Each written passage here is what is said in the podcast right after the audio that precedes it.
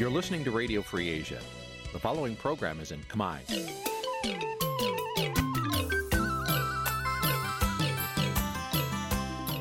នេះជាកម្មវិធីផ្សាយ Vuthu Azizi Serai នេះជាកម្មវិធីផ្សាយរបស់ Vuthu Azizi Serai ជាភាសាខ្មែរ Vuthu Azizi Serai សូមស្វាគមន៍លោកអ្នកនាងទាំងអស់ពីរដ្ឋធានី Washington នៃសហរដ្ឋអាមេរិក បាទពីរដ្ឋធានី Washington ខ្ញុំបាទជាចំណានសូមជម្រាបសួរលោកអ្នកនាងអ្នកស្ដាប់ Vuthu Azizi Serai ទាំងអស់ជាទីមេត្រីយើងខ្ញុំសូមជូនការផ្សាយសម្រាប់ព្រឹកថ្ងៃប្រហ័ស3កើតខែភទ្របទឆ្នាំឆ្លូវត្រីស័កពុទ្ធសករាជ2565ដែលត្រូវនៅថ្ងៃទី9ខែកញ្ញាគ្រិស្តសករាជ2021បាទជាបន្តទៅទៀតនេះសូមអញ្ជើញលោកអ្នកនាងស្ដាប់ព័ត៌មានប្រចាំថ្ងៃដែលមានមេត្តាដូចតទៅ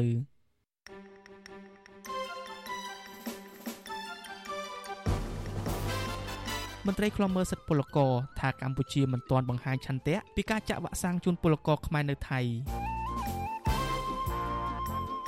សកម្មជនបដិឋានម្នាក់ទៀតស្នើសុំតុលាការទម្លាក់ចោលបទចោទបន្ថែមរួមគំនិតក្បត់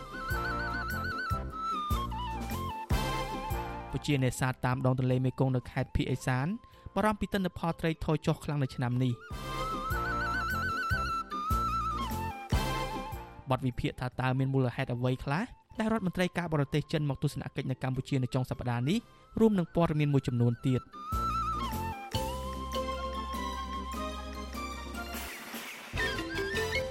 បាទជាបន្តទៅទៀតនេះខ្ញុំបាទចិត្តចំណានសូមជូនព័ត៌មានទាំងនេះពឺស្ដាមន្ត្រីខ្លំមើលសិទ្ធិពលករថាកម្ពុជា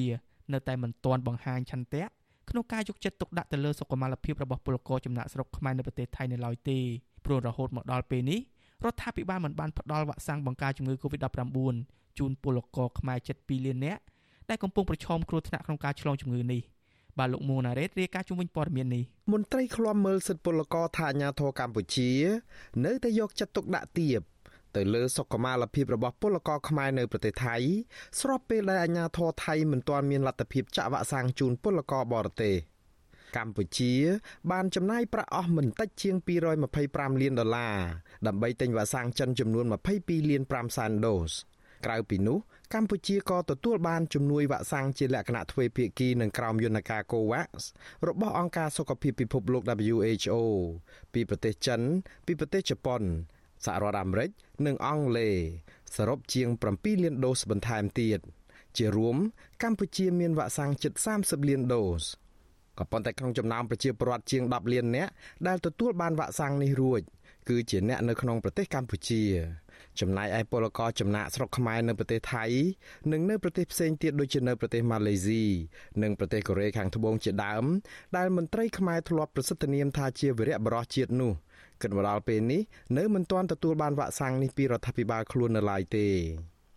នាយកប្រតិបត្តិនៃមជ្ឈមណ្ឌលសម្ព័ន្ធភាពការងារនិងសិទ្ធិមនុស្ស ហៅកាត់ទៅសង្ត្រាលោកមឿនដុល្លារថាអាញាធរថៃ ខ្វះការទទួលខុសត្រូវនិងបំពានច្បាប់អន្តរជាតិអំពីកាតព្វកិច្ចយកចិត្តទុកដាក់ដល់សុខុមាលភាពរបស់ពលករបរទេសទៅហើយក៏ប៉ុន្តែចុះហេតុម្ដេចឡើយបានជាអាញាធរនៃរដ្ឋាភិបាលកម្ពុជាមិនធ្វើអន្តរាគមន៍ដើម្បីជួយប្រជាពលរដ្ឋខ្លួនឯងដែលកំពុងតែរងគ្រោះថ្នាក់នៅប្រទេសថៃដូច្នេះ លោកមឿនដុល្លារអះអាងថាមានមធ្យោបាយច្រើនដែលកម្ពុជាអាចផ្ដល់វ៉ាក់សាំងដល់ពលករខ្មែរនៅប្រទេសថៃបើរដ្ឋាភិបាលមានឆន្ទៈចង់ធ្វើដូច្នេះមែនកម្ពុជាអាចតាមរយៈស្ថានទូតខ្លួនឯងហ្នឹងឬក៏តាមរយៈក្រសួងការបរទេសរបស់ខ្លួនឯងហ្នឹងអាចចរចាជាមួយនឹងខាងភាគីថៃឲ្យមានការផ្ដល់វ៉ាក់សាំងជូនពលរដ្ឋខ្លួនឯងនៅក្នុងទី1ទី2បើសិនជានេះទេយើងអាចទិញវ៉ាក់សាំង យកទៅចាក់ឲ្យពលករយើងបានតាមានអីថៃក៏គេមិនទៅបដិសេធដែរបើសិនជាយើងបើសិនជាកម្ពុជាមាន ការទិញវ៉ាក់សាំងដើម្បីផ្ដល់ជូនពលកររបស់ពលរដ្ឋរបស់ខ្លួនឯងជំវិញថាតារដ្ឋាភិបាលកម្ពុជា បានគិតគូររឿងផ្ដល់វ៉ាក់សាំងជូនពលករចំណាក់ស្រុកនៅប្រទេសថៃដែរឬយ៉ាងណាមន្ត្រីរដ្ឋាភិបាលកម្ពុជាមិនមានយោបល់អ្វីនោះទេដោយលោកស្នើឲ្យទៅសួរឯកអគ្គរដ្ឋទូតខ្មែរប្រចាំនៅទីក្រុងបាងកកប្រទេសថៃវិញ ក៏ប៉ុន្តែលោកបានអះអាងប្រាប់វិទ្យុអាស៊ីសេរីអំពីការកំពុងយកចិត្តទុកដាក់របស់អាជ្ញាធរខ្មែរទៅលើការថែទាំសុខភាពនិងព្យាបាលជំងឺពលករចំណាក់ស្រុកទាំងនោះអ្នកនាំពាក្យក្រសួងការបរទេសកម្ពុជាលោកកុយគួងប្រាប់វិទ្យុអាស៊ីសេរីតាមបណ្ដាញសង្គម Telegram កាលពីរាត្រីថ្ងៃទី8ខែកញ្ញា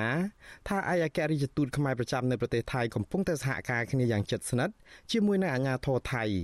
ដើម្បីយកចិត្តទុកដាក់ដល់សុខុមាលភាពរបស់ពលករខ្មែរនៅទីនោះ លោកអះអាងបន្ថែមទៀតថាពេលណាពលករខ្មែរឆ្លងជំងឺនេះពួកគេទទួលបានការយកចិត្តទុកដាក់នៅក្នុងការព្យាបាលត្រឹមត្រូវ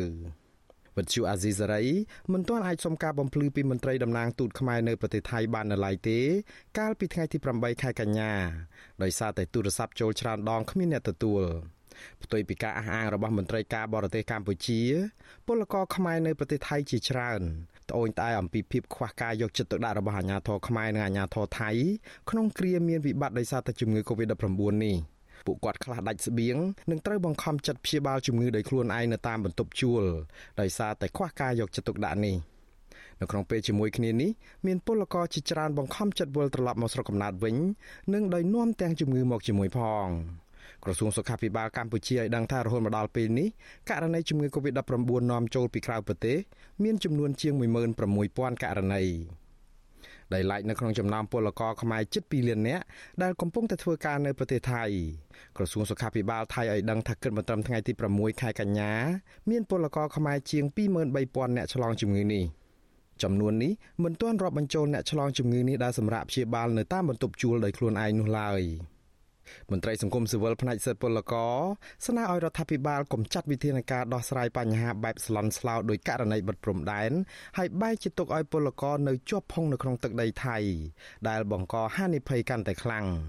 ក៏ប៉ុន្តែគួរចាត់វិធានការបង្ការនិងទប់ស្កាត់ជាមុនដូចជាត្រៀមមណ្ឌលចតាល័យស័កនៅតាមព្រំដែននិងរកលទ្ធភាពចាក់វ៉ាក់សាំងជូនពលករចំណាក់ស្រុកទាំងអស់មុនពួកគាត់វិលត្រឡប់ចូលមកប្រទេសកម្ពុជាវិញ។ ខ្ញុំបាទមួងណារ៉េត With you Azisari ប្រធានាទី Washington បាទលោកអ្នកនាងអ្នកស្ដាប់ជាទីមេត្រីតំណាងជាប់ឆ្នោតរបស់គណៈបកសង្គ្រោះជាតិនៅតាមថ្នាក់មូលដ្ឋានឲ្យដឹងថាពួកគាត់នៅតែមានសង្ឃឹមថាវិបត្តិនយោបាយដ៏រ៉ាំរ៉ៃនៅកម្ពុជាអាចនឹងត្រូវដោះស្រាយនៅមុនការបោះឆ្នោតក្រុមប្រឹក្សាឃុំសង្កាត់ឆ្នាំ2022ដោយសារតែមានជំនឿបែបនេះហើយទើបពួកគាត់រក្សាភាពស្ងៀមស្ងាត់និងមិនចូលរួមសកម្មភាពនយោបាយជាមួយនឹងគណៈបកដតីតំណាងបកកាន់អំណាចឆ្លើយតបវិញថាគណៈបកសង្គ្រោះជាតិ នឹងមិនអាចរស់ឡើងវិញនោះទេហើយក៏គ្មានការចរចានយោបាយណាមួយនោះដែរបានអ្នកស្រីសុជីវីរាយការណ៍អំពីរឿងនេះមេឃុំជាប់ឆ្នោតគណៈបកសង្គ្រោះជាតិលើកឡើងថាពួកគាត់នៅរងចាប់មើលការវិវត្តស្ថានភាពនយោបាយបន្តទៅមុខទៀតសិនដោយមិនទាន់ចូលរួមជាមួយគណៈបកនយោបាយណាទាំងអស់ការសម្រេចចិត្តបែបនេះពីព្រោះពួកគាត់មើលឃើញថា ពេលនេះមិនមានកម្លាំងនយោបាយណាអាចប្រកួតប្រជែងជាមួយគណៈបកកណ្ដាលអំណាចបានឡើយដូច្នេះ ការចូលរួមធ្វើនយោបាយនៅក្នុងស្ថានភាពបែបនេះក៏មិនមានន័យអ្វីនោះដែរមេឃុំជាប់ឆ្នោតនៃគណៈបកសង្គ្រោះជាតិនៅឃុំឈើខ្មៅស្រុកកោះធំខេត្តកណ្ដាលលោកផុនសុភាមានប្រសាសន៍ថាប្រជាពលរដ្ឋនិងសកម្មជនមូលដ្ឋាន នៅតែមានទឹកចិត្តរឹងមាំនិងគាំទ្រឥតងាករេចំពោះគណៈបកសង្គ្រោះជាតិលោកបញ្ជាក់ថាដោយសារបែបនេះហើយទើបលោកមិនទៅចុះចូលជាមួយគណៈបកកាន់អំណាច ឬចូលរួមសកម្មភាពនយោបាយជាមួយគណៈបកដតីការឡើងកម្មអំណាចជាក្រុមប្រឹក្សាឃុំឬមេឃុំដែលអត់មានការបោះឆ្នោតមួយត្រឹមត្រូវគឺមិនអាចបម្រើជាប្រវត្តិបានល្អឯយើងសោកស្ដាយប៉ុន្តែបើយើងចូលរួមហើយអត់ប្រយោជន៍ដដែលយើងចូលរួមគ្រាន់តែជាការកំដរប្រជាធិបតេយ្យខ្លាំងខ្លាយដដែលយើងអត់ចូលរួមទេយើងសុកចិត្តនៅស្ងៀមឬក៏នៅចាំមើលស្ថានភាពប្រែប្រួលអីហើយយើងនឹងសម្រាប់នៅពេលក្រោយទៀតស្រដៀងគ្នានេះ មេឃុំជាប់ឆ្នោតនៅឃុំស្ពឺស្រុកចំការលើខេត្តកំពង់ចាមលោកសយសិដ្ឋាឲ្យដឹងថាលោកនិងពលរដ្ឋដទៃទៀតនៅតែទាមទារឲ្យគណៈបកសង្គ្រោះជាតិរស់ឡើងវិញ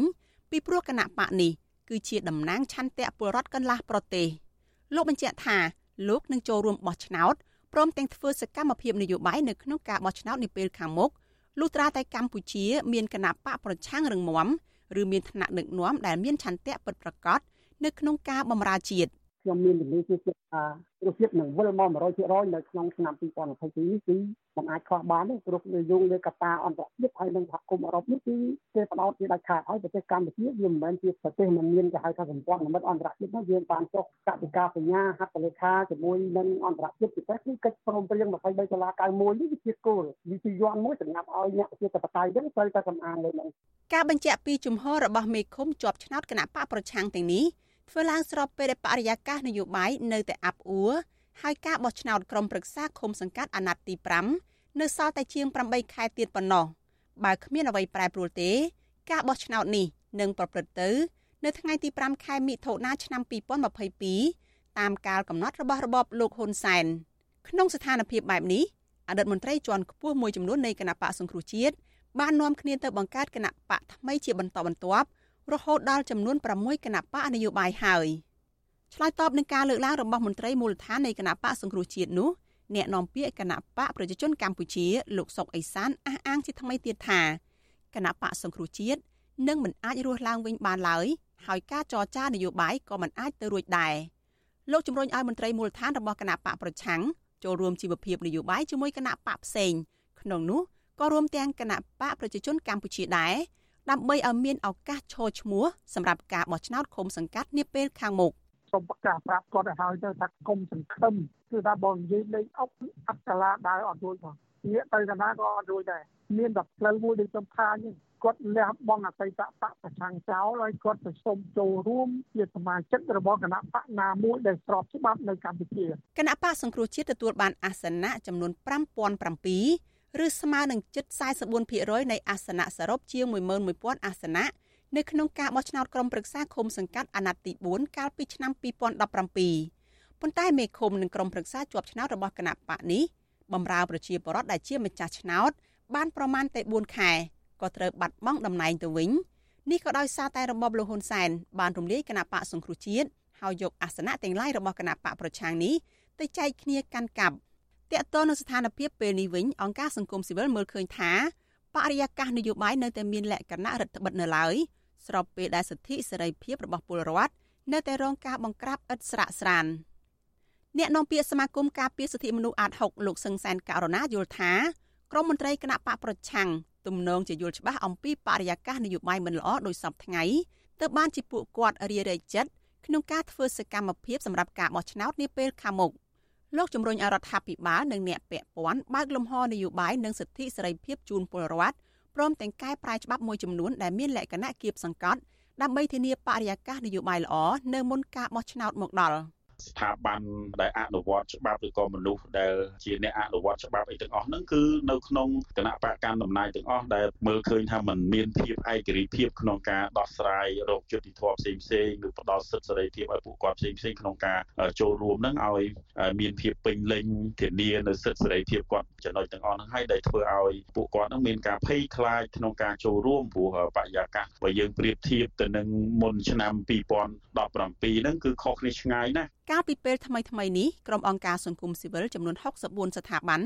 បានធ្វើសេចក្តីថ្លែងការណ៍រួមគ្នាមួយស្នើឲ្យរបបលោកហ៊ុនសែនធានាឲ្យបាននៅលក្ខខណ្ឌអបបរមាចំនួន6ចំណុចដើម្បីឲ្យការបោះឆ្នោតនោះប្រព្រឹត្តទៅដោយសេរីនិងយុត្តិធម៌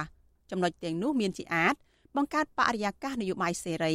ធានាសិទ្ធិនយោបាយនិងសិទ្ធិបោះឆ្នោតកែសម្រួលសមាជិកគណៈកម្មាធិការជាតិរៀបចំការបោះឆ្នោតឬក៏ជប ធានាឯករាជ្យភាពនៃអំណាចតុលាការនិងកងកម្លាំងប្រដាប់អាវុធព្រមទាំងធានានៅការអនុវត្តទួលនីតិដោយសេរី របស់សង្គមស៊ីវិលនិងប្រព័ន្ធផ្សព្វផ្សាយជាដើមនាងខ្ញុំសុជីវី With you Azizi Serai ពីរដ្ឋធានី Washington លោកអ្នកនាងអ្នកស្ដាប់ជាទីមេត្រីទីប្រឹក្សារដ្ឋនិងជារដ្ឋមន្ត្រីក្រសួងការបរទេសចិនលោកវ៉ាងយីក្រុងបំពេញទស្សនកិច្ចមកកាន់ប្រទេសមួយចំនួននៅតំបន់អាស៊ីគឺចាប់ពីថ្ងៃទី10ដល់ថ្ងៃទី15ខែកញ្ញាខាងមុខនេះ។ ដែលរួមមានប្រទេសវៀតណាមកម្ពុជា សង្ហបុរីនិងកូរ៉េខាងត្បូងគម្រោងទស្សនកិច្ចរបស់មន្ត្រីការទូតជាន់ខ្ពស់ចិននេះធ្វើឡើងក្រោយពីអនុប្រធានាធិបតីសហរដ្ឋអាមេរិកអ្នកស្រី Kamala Harris បានមកទស្សនកិច្ចនៅប្រទេសសង្ហបុរីនិងវៀតណាមដែលជាដំណើរទស្សនកិច្ចលើកដំបូងបង្អស់មកកាន់ភូមិភាគអាស៊ីអាគ្នេយ៍ក្នុងនាមជាអនុប្រធានាធិបតីអាមេរិកក្រោមរដ្ឋបាលថ្មីរបស់លោកប្រធានាធិបតី Joe Biden ចំណែកដំណើរទស្សនកិច្ចរបស់លោកវ៉ាងយីមកកាន់កម្ពុជានៅមុនពេលដែលកម្ពុជាកំពុងត្រៀមខ្លួន ធ្វើជាប្រធានបដូវវេនអាស៊ាននៅឆ្នាំ2022ខាងមុខនេះតើលោកវ៉ាងយីអាចលើកឡើងពីប្រធានបទអ្វីខ្លះក្នុងដំណើរទស្សនកិច្ចនៅកម្ពុជាលោកអ្នកនាងនឹងបានស្ដាប់បទវិភាគអំពីរឿងនេះនៅពេលបន្តិចទៀតនេះបាទលោកអ្នកនាងជាទីមេត្រីប្រជានេសាទតាមដងទន្លេមេគង្គនៅឯខេត្តភៀកអេសានព្រួយបារម្ភពីទិន្នផលត្រីនៅតាមដងទន្លេមេគង្គនិងទន្លេសេសានព្រួយបារម្ភពីទិន្នផលត្រីនៅតាមដងទន្លេមេគង្គទន្លេសេសាន ទន្លេស្រែពក និងទន្លេសេកុងបានថយចុះខ្លាំងនៅរយៈពេល2ឆ្នាំចុងក្រោយនេះ ពួកគាត់សង្កេតឃើញថាការប្រើឧបករណ៍នេសាទខុសច្បាប់និងការប្រែប្រួលស្ថានភាពទឹកគឺជាមូលហេតុសំខាន់នាំឲ្យចំនួនត្រីថយចុះពីមួយឆ្នាំទៅមួយឆ្នាំបាទលោកសេកបណ្ឌិតរាយការណ៍ព័ត៌មាននេះប្រជានេសាទតាមដងទន្លេមេគង្គនៅសង្កាត់សាមគ្គីក្រុងស្ទឹងត្រែងឲ្យដឹងនៅថ្ងៃទី8ខែកញ្ញាថា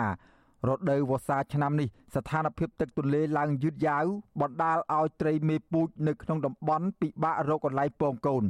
ឬបង្កកំណើតនៅអន្លង់អភិរក្ស ពួកគាត់សង្កេតឃើញថាលក្ខណៈភូមិសាស្ត្រជំរកត្រីកម្ររស់នៅ និងបង្កកំណើតកំពុងរំខានដោយសារការនេសាទខុសច្បាប់ ស្លែដុះមិនប្រក្រតីនិងការអភិវឌ្ឍវិរិយអគិសនីធ្វើឲ្យមានការប្រែប្រួលស្ថានភាពទឹក នៅរយៈពេល2ឆ្នាំចុងក្រោយនេះប្រធានសហគមន៍នេសាទភូមិថ្មី សង្កាត់សាមគ្គី លោកលីចត្រា សង្កេតឃើញថាក្រមជនល្មើសបានប្រើឧបករណ៍ឆក់ក្តៅនិងឆក់ត្រជាក់ទំនើប អាចចាប់ត្រីបានជាច្រើនគីឡូក្រាម ប្រវែង40ម៉ែត្រ4ជ្រុងលោកថាឧបករណ៍ឆក់ទាំងនេះអាចចាប់ត្រីប្រភេទរំអិលនិងប្រភេទត្រីស្រកាក្នុងអន្លង់អភិរក្សបានដោយងាយដែលធ្វើឲ្យប៉ះពាល់ដល់ការនេសាទជាលក្ខណៈគ្រួសាររបស់ប្រជាពលរដ្ឋក្រីក្រលោកបញ្ជាក់ថាក្នុងចន្លោះឆ្នាំ2020និងឆ្នាំ2021នេះត្រីកម្រមួយចំនួន ដូចជាត្រីប៉ាវ៉ាត្រីប៉ាស៊ីអ៊ី ត្រីក្របី និងត្រីក្អែកជាដើម បានធ្លាក់ចុះយ៉ាងគំហុកពីមុនយើងឃើញថាឆក់នឹងមានតែឆក់ក្តៅបង្ក្រាបបានអញ្ចឹងទៅឆក់បានតែតាមខាងខាងទេតែបច្ចុប្បន្ននេះគឺគេហៅថាអាចឆក់អតិចបោកក្តៅនឹងឃើញថាវាមានសន្ទុះនៃការបំផ្លាញធនធាននឹងខ្លាំងកាន់មែនតើព្រោះបាត់ល្មើសនេះវាពិបាកមែនតើមិនមែនដូចលើគោកទេជាធម្មតាបាត់ល្មើសឆក់នេះឲ្យតែឃើញយើងជួនកាលតដៃជួនកាលយើងដេញមិនទាន់ទុកវាលឿនអញ្ចឹងណាប្រជាសហគមន៍នេសាទរូបនេះបន្ថែមថា ឧបសគ្គចម្បងមួយទៀតនាំឲ្យចំនួនត្រីកម្រថយចុះដោយសារតែទីតាំងអភិរក្សត្រីមេពូជចំនួន17សហគមន៍ក្នុងតំបន់រ៉ាមសាគ្រប់គ្រងដោយមន្ទីរបរិស្ថានខេត្តក្នុងអាងទន្លេមេគង្គកំពុងទទួលរងហានិភ័យធ្ងន់ធ្ងរព្រោះថយចុះរុក្ខជាតិក្នុងទន្លេ ដែលជាជំរកត្រីពងកូន និងខ្វះការសហការគ្នាទប់ស្កាត់បទល្មើសនេសាទឲ្យទាន់ពេលវេលា រវាងសហគមន៍និងសមត្ថកិច្ចមូលដ្ឋាន លោកបន្ថែមថាកន្លងមក នៅពេលដែលសហគមន៍ផ្ដល់ព័ត៌មានពីបទល្មើសនេសាទឲ្យនគរបាលមូលដ្ឋានចុះបង្ក្រាបសមត្ថកិច្ចតែងតែឆ្លើយថាជាប់រវល់ទើបធ្វើឲ្យជនល្មើសតែងតែរួចខ្លួនតំបន់រ៉ាមសាឬហៅថាតំបន់ដីសើមស្ថិតនៅតំបន់ទន្លេមេគង្គមានផ្ទៃដីជាង44000ហិកតាស្ថិតនៅក្នុងសង្កាត់សាមគ្គីក្រុងស្ទឹងត្រែង និងស្រុកថ្លាបរិវត្តតំបន់នោះអតីតព្រះមហាក្សត្រសម្ដេចព្រះនរោត្តមសីហនុ បានឡាយប្រហោះលេខាកាលពីឆ្នាំ1993ដោយដាក់ឲ្យស្ថិតនៅក្រោមការគ្រប់គ្រងរបស់ក្រសួងបរិស្ថាន ដែលមានកាតព្វកិច្ចធានាកិច្ចគាំពៀបរិស្ថាន និងទប់ស្កាត់បទល្មើសនេសាទគ្រប់ប្រភេទហើយបច្ចុប្បន្នក្រសួងបរិស្ថាន បានបញ្ជូនឆ្មាំអភិរក្ស15នាក់ទៅគ្រប់គ្រងនៅតំបន់នោះវត្តជូអសីស្រីនៅពុំទាន់អាចតាក់ទងសុំការបំភ្លឺរឿងនេះពីប្រធានមន្ត្រីបរិស្ថានលោកអេងភីរុង និងនាយខណ្ឌរដ្ឋបាលជលផលលោកទុំនីរ៉ូបាននៅឡើយទេ នៅថ្ងៃទី8ខែកញ្ញាដោយទូរស័ព្ទហៅចូលច្រើនដងតែពុំមានអ្នកទទួលប៉ុន្តែអ្នកនាំពាក្យសាលាខេត្តស្ទឹងត្រែង លោកម៉ែនគង់បកស្រាយថាពុំមានការថយចុះទិន្នផលត្រីច្រើននោះទេព្រោះការទប់ស្កាត់បទល្មើសនេសាទរបស់មន្ត្រីជំនាញមានប្រសិទ្ធភាពហើយការយល់ដឹងរបស់ប្រជាពលរដ្ឋកាន់តែទូលំទូលាយជុំវិញការប្រើឧបករណ៍នេសាទបានត្រឹមត្រូវ។ លោកបញ្ជាក់ថាត្រីតាំងលក់នៅលើទីផ្សារមានតិចតួចនៅឡើយទេដោយសារអំឡុងពេលនេះជារដូវបិទនេសាទប៉ុន្តែបើសិនជាវាប្រែប្រួលជាប់ជាប់គ្នាអាហ្នឹងបើយើងអាចវាតម្លៃថាវាធ្លាក់ចុះប៉ុន្តែហ្នឹងប្រហែលជាគាត់ឆ្លុះបញ្ចាំងតាំងពីដើមឆ្នាំមកប៉ុន្តែក្នុងពេលនេះជាឃើញហើយនៅក្នុងដំណាក់កាលនេះជាដំណាក់កាលបិទនេសាទអញ្ចឹងប្រហែលជាផលត្រីនៅលើទីផ្សារវាតិចតួចទេជុំវិញរឿងនេះអ្នកសម្របសម្រួលថ្នាក់ខេត្តនៃអង្គការសេប៉ាលោកវីផលលុយមានប្រសាសន៍ថា អង្គការលោករកឃើញថាទិន្នផលត្រីកើនឡើងនៅឆ្នាំ2018និងឆ្នាំ2019ដោយសារតែត្រីកម្រមួយចំនួនមានវត្តមាននៅក្នុងអន្លង់អភិរក្សហើយផលចាប់ត្រីរបស់អ្នកនេសាទក៏កើនឡើងដែរលោកថាមន្ត្រីរដ្ឋបាលជលផលនិងមន្ត្រីបរិស្ថាន បានសហការគ្នាល្អក្នុងការអភិរក្សត្រីមេពូជនៅក្នុងអន្លង់អភិរក្សនិងទប់ស្កាត់បទល្មើសនេសាទគ្រប់រូបភាពក៏ប៉ុន្តែលោកបារម្ភថាការប្រែប្រួលបរិស្ថានទឹកនៅឆ្នាំនេះ គឺជាឧបសគ្គធ្វើឲ្យត្រីពិបាកបង្កកំណើតឬពងកូនតែទៅនឹងការប្រែប្រួលទឹកនេះយើងក៏មានការបារម្ភដែរតែទៅនឹងភាសារដូវនេះវាជារដូវត្រីពងកូនហើយបើសិនជាកម្រិតទឹកនេះវាមិនឡើងទេមានថាត្រីមិនអាចទៅទីតាំងសម្រាប់ពងកូនទេចំណែកនាយកប្រតិបត្តិនៃអង្គការបណ្ដាញការពារទន្លេ3លោកលៀងប៊ុនលៀបបារម្ភថាឧបករណ៍នេសាទទំនើប ទាំងឆក់ក្តៅនិងត្រជាក់បង្កគ្រោះថ្នាក់ខ្លាំងដល់មេពូជត្រី ដែលទាមទារឲ្យប្រជាសហគមន៍អង្គការសង្គមស៊ីវិលពង្រឹងកិច្ចសហការចុះបង្ក្រាបបទល្មើសនេសាទឲ្យទាន់ពេលវេលាលោកអំពីវនាវឲ្យអង្គការសង្គមស៊ីវិលនិងភាគីពាក់ព័ន្ធឧបត្ថម្ភថវិកានិងសម្ភារៈឲ្យបានគ្រប់គ្រាន់ដល់ប្រជាសហគមន៍នេសាទដើម្បីពង្រឹងសមត្ថភាពបង្ក្រាបបទល្មើសនេសាទ អ្វីត្បិតតែយើងមិនបានមានថវិកាគ្រប់គ្រាន់ដើម្បីល្បាតក្តីក៏ប៉ុន្តែយើងត្រូវចាត់ជនបកគោទៅតាមលងអភិរក្សដែលជាលងត្រីមេពូសំខាន់សំខាន់ហ្នឹងឆ្លាស់ពេលគ្នាតែជាអ្នកផ្ដល់របាយការណ៍ជាអ្នកផ្ដល់ទិន្នន័យផ្ដល់ព័ត៌មានទៅសហគមន៍នេសាទទៅអាជ្ញាធរដែលគាត់ពាក់ព័ន្ធហ្នឹងដើម្បីគាត់ចាត់វិធានការសមស្របទាន់ពេលវេលាតំបន់រ៉ាមសាឬហៅថាតំបន់ការពារជីវៈចម្រុះសម្បូរកោះច្រើន និងមានរុក្ខជាតិដុះចេញពីផ្ទៃទឹកបញ្ចេញឬ ព្រមទាំងមានព្រៃលិចទឹកជាច្រើនផងនោះគឺជាទីតាំងជ្រកកោនរបស់សត្វបក្សីសត្វស្វាព្រៃនិងជាជំរករបស់ត្រីសម្រាប់ពងកូន ជាមួយគ្នានេះរដ្ឋបាលខេត្តស្ទឹងត្រែង បានប្រកាសបិទនេសាទចាប់ពីថ្ងៃទី29ខែមេសាដល់ថ្ងៃទី31ខែកញ្ញាឆ្នាំ2021ទើបបើកឲ្យមានការនេសាទឡើងវិញខ្ញុំបាទសេកបណ្ឌិតវិទ្យុអាស៊ីសេរីពីរដ្ឋធានីវ៉ាស៊ីនតោន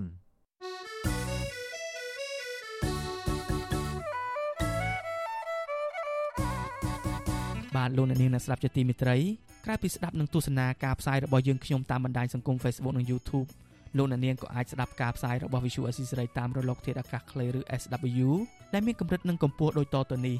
ពេលព្រឹកចាប់ពីម៉ោង5កន្លះដល់ម៉ោង6កន្លះក្នុងកម្រិត9940 kHz ស្មើនឹងកម្ពស់ 30m ពេលយប់ចាប់ពីម៉ោង7កន្លះដល់ម៉ោង8កន្លះក្នុងកម្រិត9960 kHz ស្មើនឹងកម្ពស់ 30m និងមួយកម្រិតទៀតគឺ11240 kHz ស្មើនឹង 25m បាទសូមអរគុណ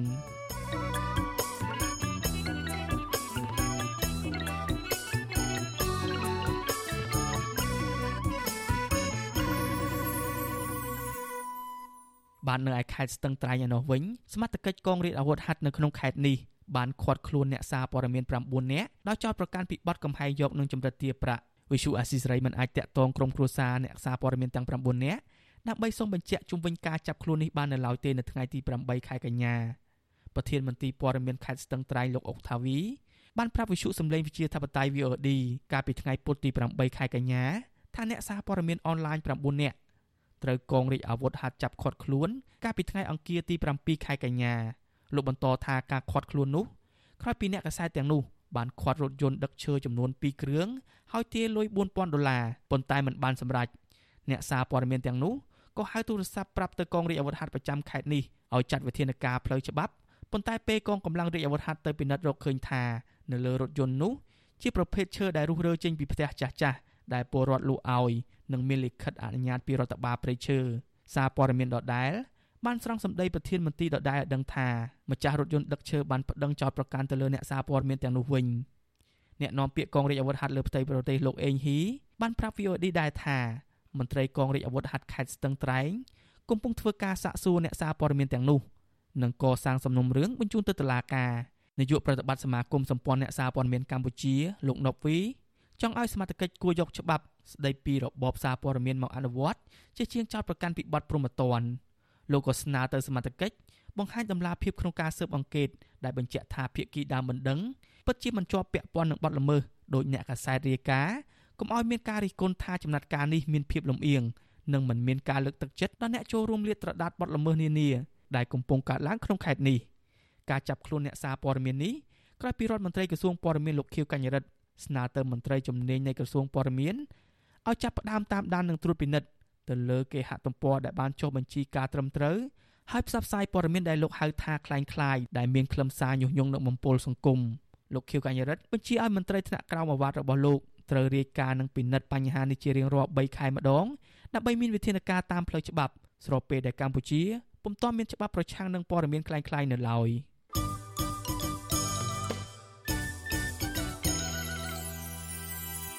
បាទលោកនាងជាទីមេត្រីសមាគមខ្មែរក្រោមត្រៀមផ្ដោះមេធាវីដើម្បីជួយការពារក្តីដល់អតីតព្រះចៅអធិការវត្តវង្គតបុរីសេរីភ្នំពេញ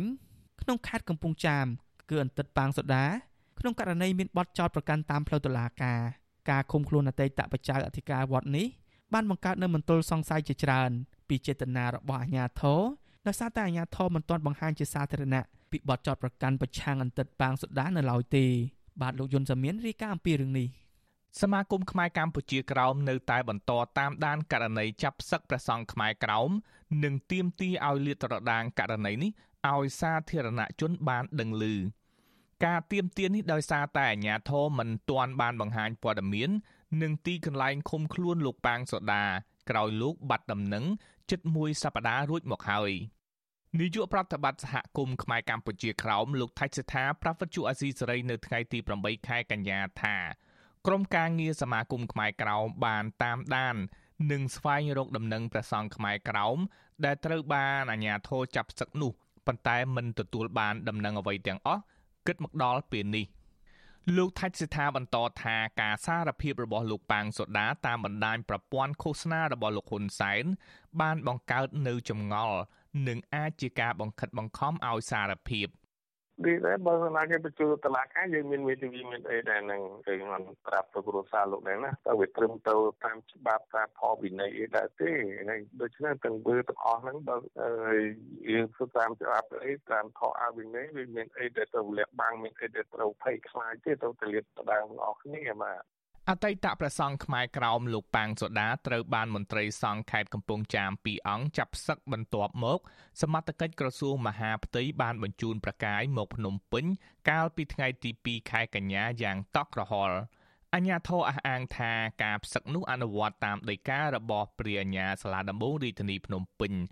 ដែលចេញដោយការចាប់ខ្លួនយកទៅសាកសួរជុំវិញបទចោទប្រកាន់ល្មើសវិធានការទប់ស្កាត់ការឆ្លងរាលដាលជំងឺ Covid-19 អង្គការសង្គមស៊ីវិលមួយចំនួន បានរិះគន់ការចាប់ប្រកាយប្រសង់ខ្មែរក្រោមទើបក្រោយមកប្រព័ន្ធឃោសនារបស់លោកហ៊ុនសែនកាលពីថ្ងៃទី7ខែកញ្ញា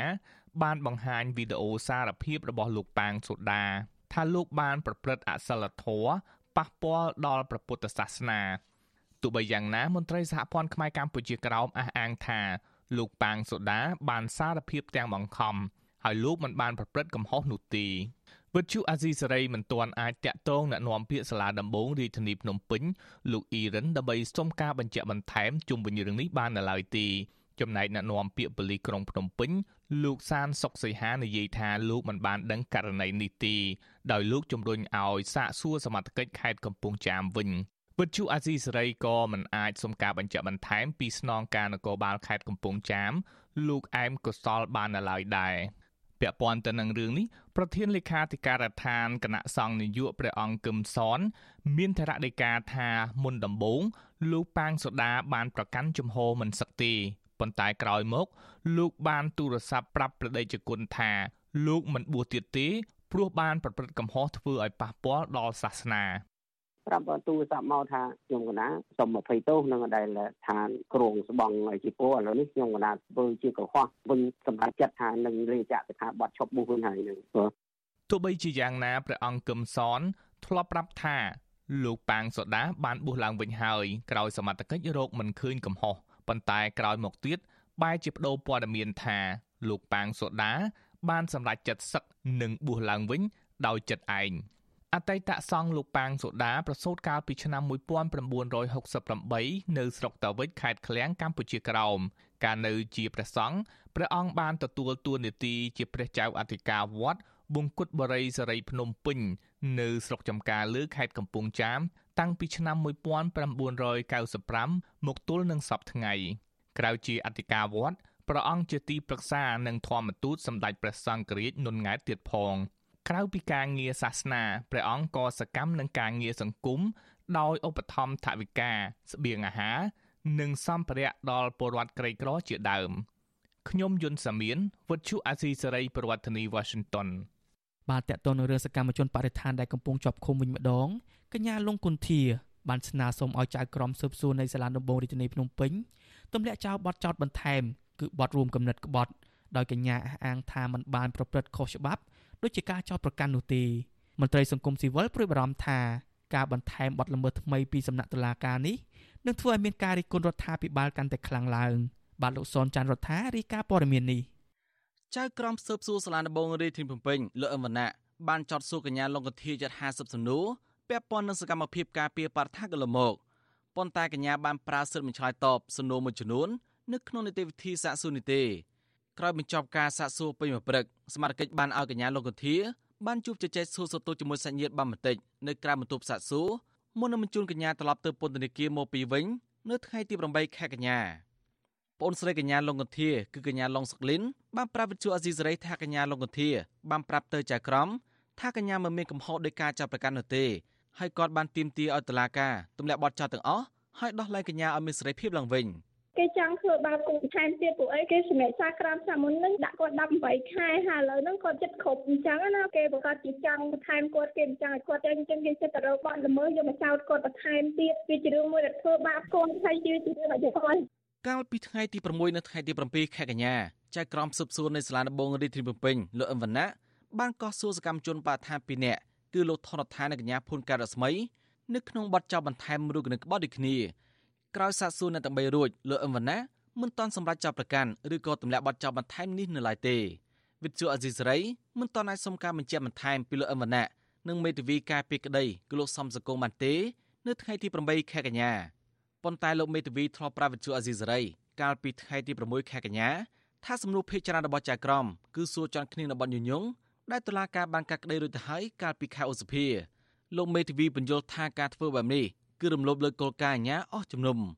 បើទោះបីជាណាអង្គការសង្គមស៊ីវិលនិងក្រុមអ្នកការពារធនធានធម្មជាតិតែងតែចំទាស់នឹងការចាប់ឃុំខ្លួននិងការចាប់ប្រកាន់ទាំងឡាយលើសកម្មជនបដិថានមន្ត្រីសម្របសម្រួលគម្រោងនៃសមាគមបណ្ដាញយុវជនកម្ពុជាលោកម៉ៅចន្ទរាសង្កេតឃើញថាការបន្ថែមឬការចាប់ប្រកាន់បោរូបនឹងក្បន់លើអ្នកការពារបរិស្ថានគឺជាអំពើធ្ងន់ធ្ងរហើយបណ្ដាលឲ្យខូចអនាគតយុវជនលោកមិនគាំទ្រចំពោះការចាប់ប្រកាន់នេះទេ ហើយលោករសារចំហដោយក្រុមអង្គការសង្គមស៊ីវិលផ្សេងទៀតគឺទាមទាររដ្ឋាភិបាលនិងតុលាការទម្លាក់បទចោទហើយដោះលែងសកម្មជនបរិស្ថានទាំងអស់ឲ្យមានសេរីភាពឡើងវិញតំណាងយុវជនរំនេះបារម្ភថាបើសមាជិកប្រើប្រាស់វិធានការច្បាប់ឬក៏បទចោទធ្ងន់ធ្ងរពេកបណ្ដាលមានផលអវិជ្ជមានចំពោះសង្គមដោយសារយុវជនចំនួនក្រោយនាំគ្នាឈប់អើពើបញ្ហាសង្គមហើយលែងហ៊ានធ្វើសកម្មភាពការពារបរិស្ថាននិងធនធានធម្មជាតិតទៅទៀត។ បទចោតរួមកំណត់ក្បត់ជាតិខ្ញុំអាចនិយាយស្មានថានឹងធ្វើឲ្យអនាគតរបស់ពួកគាត់មិនអាចបន្តសកម្មភាពរបស់គាត់បន្តទៅមុខបានទៀតទេព្រោះបើសិនបើគាត់ត្រូវបានគេចោទពីបទរួមកំណត់ក្បត់ជាតិមិនយ៉ាងតិចណាស់ក៏គាត់ត្រូវឲ្យជាប់ពន្ធនាគាររយៈពេល5ឆ្នាំដែរអញ្ចឹងរយៈពេល5ឆ្នាំរបស់គាត់ដែលគាត់នៅក្នុងពន្ធនាគារហ្នឹងតើឯណាទៅជាយុទ្ធរបស់គាត់កាលពីខែសភាចៅក្រមស្លាដំបងរាជធានីភ្នំពេញលោកលីសុខាបានប្រកាសសារក្រមផ្ដន់ទោសកម្មជនបរិស្ថាន3នាក់ឲ្យជាប់ពន្ធនាគារ18ខែទៅ20ខែនិងពិន័យជាប្រាក់2លានរៀលទៅ4លានរៀល នៅក្នុងបទញុយញងឲ្យប្រព្រឹត្តបទក្រិតជាអាត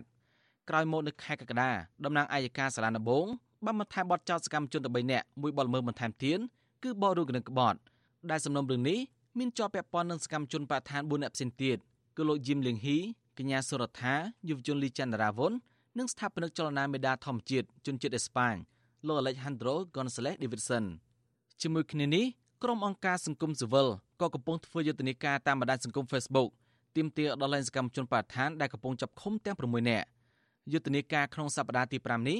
ក្រុមអង្គការសង្គមស៊ីវិលបានប្រៀបធៀបសកម្មជនបដិឋាននៅទូទាំងពិភពលោកបានទទួលពានរង្វាន់ការគ្រប់គ្រងនិងលើកទឹកចិត្តពីអាជ្ញាធររដ្ឋចំណែកឯនៅកម្ពុជាវិញសកម្មជនការពារធនធានធម្មជាតិត្រូវរងការគំរាមកំហែងបំផិតបំភ័យនិងចាប់ដាក់ពន្ធនាគារខ្ញុំសនចន្ទរដ្ឋាវិទ្យុអេស៊ីសរ៉ៃរីកាពីរដ្ឋធានីវ៉ាស៊ីនតោន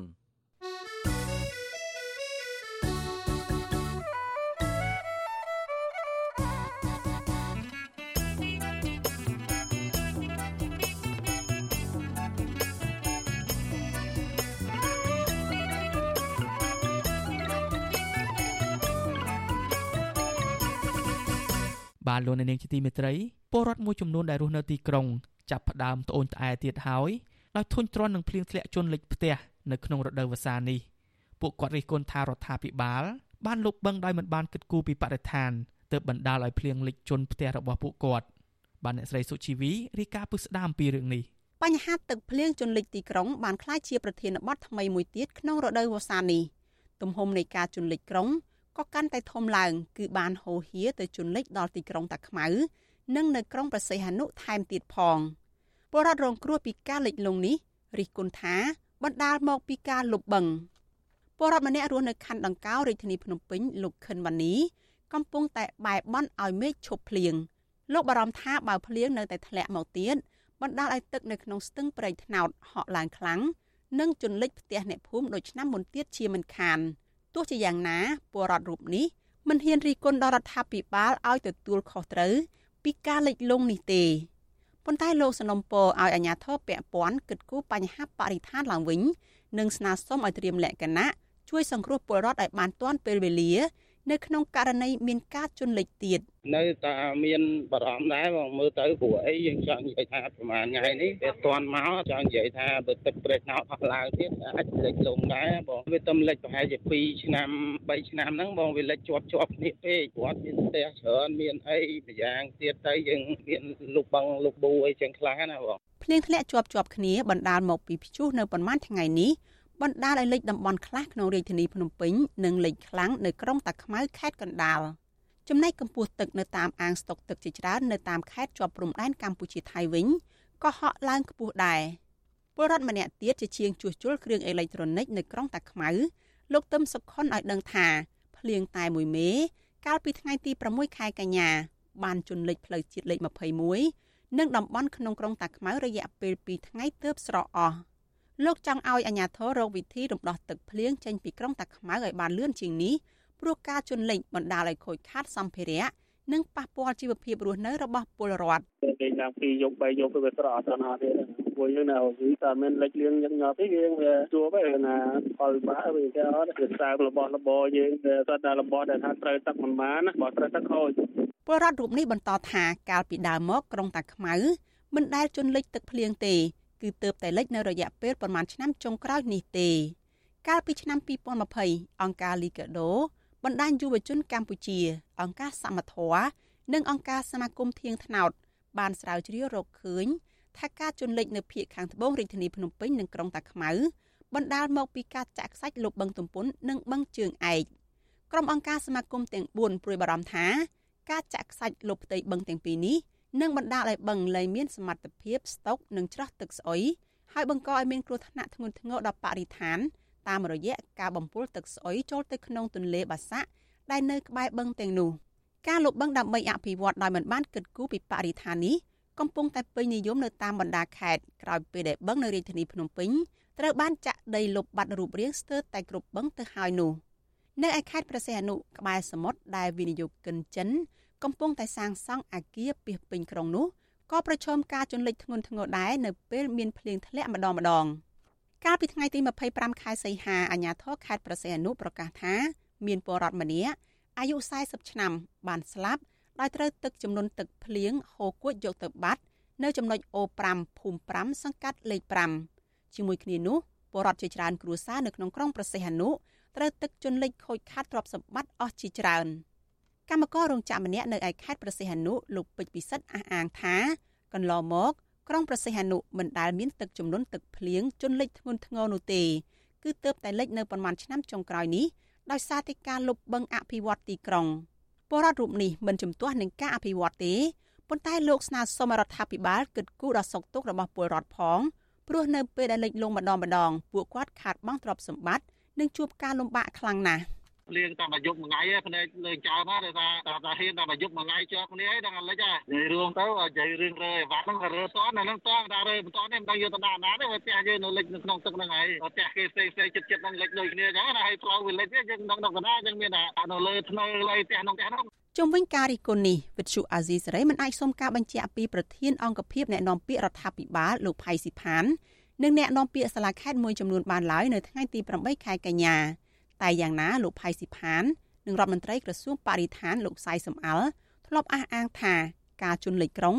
មិនមែនបណ្ដាលមកពីការលុបបង្ទេគឺបណ្ដាលមកពីស្ទះលូឬប្រព័ន្ធមិនគ្រប់គ្រាន់និងមកពីភ្លៀងធ្លាក់ច្រើនពេកបន្ថែមពីនេះរដ្ឋាភិបាលមិនបានបង្អន់ដៃក្នុងការលុបបង្ទេលោកនាយករដ្ឋមន្ត្រីហ៊ុនសែននៅតែបញ្ជាឲ្យលុបផ្ទៃបឹងពីរធំចុងក្រោយនៅរាជធានីភ្នំពេញគឺបឹងតាមុកនិងបឹងទំពុនឬបឹងជើងឯកជាបន្តបន្ទាប់ សង្គមស៊ីវិលដែលធ្លាប់ធ្វើការសិក្សាកន្លងមកបារម្ភថាការបន្តលុបបឹងដើម្បីអភិវឌ្ឍដោយមិនបានគិតគូរពីបរិស្ថាន និងបណ្ដាលឲ្យពលរដ្ឋនៅទីក្រុងរងគ្រោះពីទឹកភ្លៀងកាន់តែខ្លាំងនាយកប្រតិបត្តិអង្គការសមត្ថៈលោកអៀងវុធីប្រាប់វិទ្យុអាស៊ីសេរីនៅថ្ងៃទី8ខែកញ្ញាថាការលុបបឹងទើបជាបញ្ហាផ្ទាល់ដែលបណ្ដាលឲ្យមានការច្រាលទឹកចេញពីទីតាំងស្តុកនិងលូហូរចូលទៅដក់តាមថ្នល់និងហូរចូលទៅក្នុងផ្ទះប្រជាពលរដ្ឋ លោកបន្តថាការលុបបង្ក្នុងក្រុងកន្លងមកកំពុងជះផលអវិជ្ជមានធ្ងន់ធ្ងរត្រឡប់ទៅអ្នករស់នៅទីក្រុងវិញតំណាងសង្គមស៊ីវិលរូបនេះជំរុញរដ្ឋាភិបាលបញ្ឈប់ការលុបបង្ទាំងអស់ទាំងនៅក្នុងក្រុងនិងក្រៅក្រុងដើម្បីទុកជាទីតាំងស្តុកទឹកភ្លៀងនិងត្រូវស្ដារប្រព័ន្ធបង្ហូរទឹកឲ្យមានសមត្ថភាព បង្ហូរទឹកចេញពីក្រុងឲ្យបានលឿនហើយយើងឃើញថាអាចនឹងប្រឈមទៅមុខយើងឃើញមានការវិវត្តទន្លេលុបទន្លេលុបអីជាដើមតែធ្វើឲ្យផ្ទៃទឹកអីហ្នឹងវារួមគូចក៏ឲ្យលំហូរទឹកពីតំបន់ផ្សេងៗនៅក្នុងរាជធានីភ្នំពេញហ្នឹងនឹងអាចរាំងស្ទះហើយវាចាល់ពីមុនមានលិចដែរប៉ុន្តែវាមិនយូរអញ្ចឹងណាអញ្ចឹងសង្ឃឹមថាការជន់លិចនេះនឹងមានការដោះស្រាយបានប្រសើរអង្គការសមាគមធៀងថ្នោតបានចេញផ្សាយរបាយការណ៍កម្រាស់25ទំព័រ កាលពីខែធ្នូឆ្នាំ2019រកឃើញថាចាប់តាំងពីឆ្នាំ1990មកភ្នំពេញមានបឹងធម្មជាតិចំនួន26បឹងតែត្រូវបានចាក់លុបបឹងបាត់រូបរាងអស់ចំនួន16បឹងហើយរីឯបឹងធម្មជាតិចំនួន10ទៀតត្រូវបានលុបផ្នែកខ្លះៗឬអាចត្រូវប្រឈមការលុបទាំងស្រុងនៅពេលខាងមុខការលុបបឹងទាំងនោះដើម្បីអភិវឌ្ឍសាងសង់ជាក្រុងរណបបូរីលំនៅឋាននិងផ្ទះល្វែងនាងខ្ញុំសុជីវី វិទ្យុអាស៊ីសេរីពីរដ្ឋធានី Washington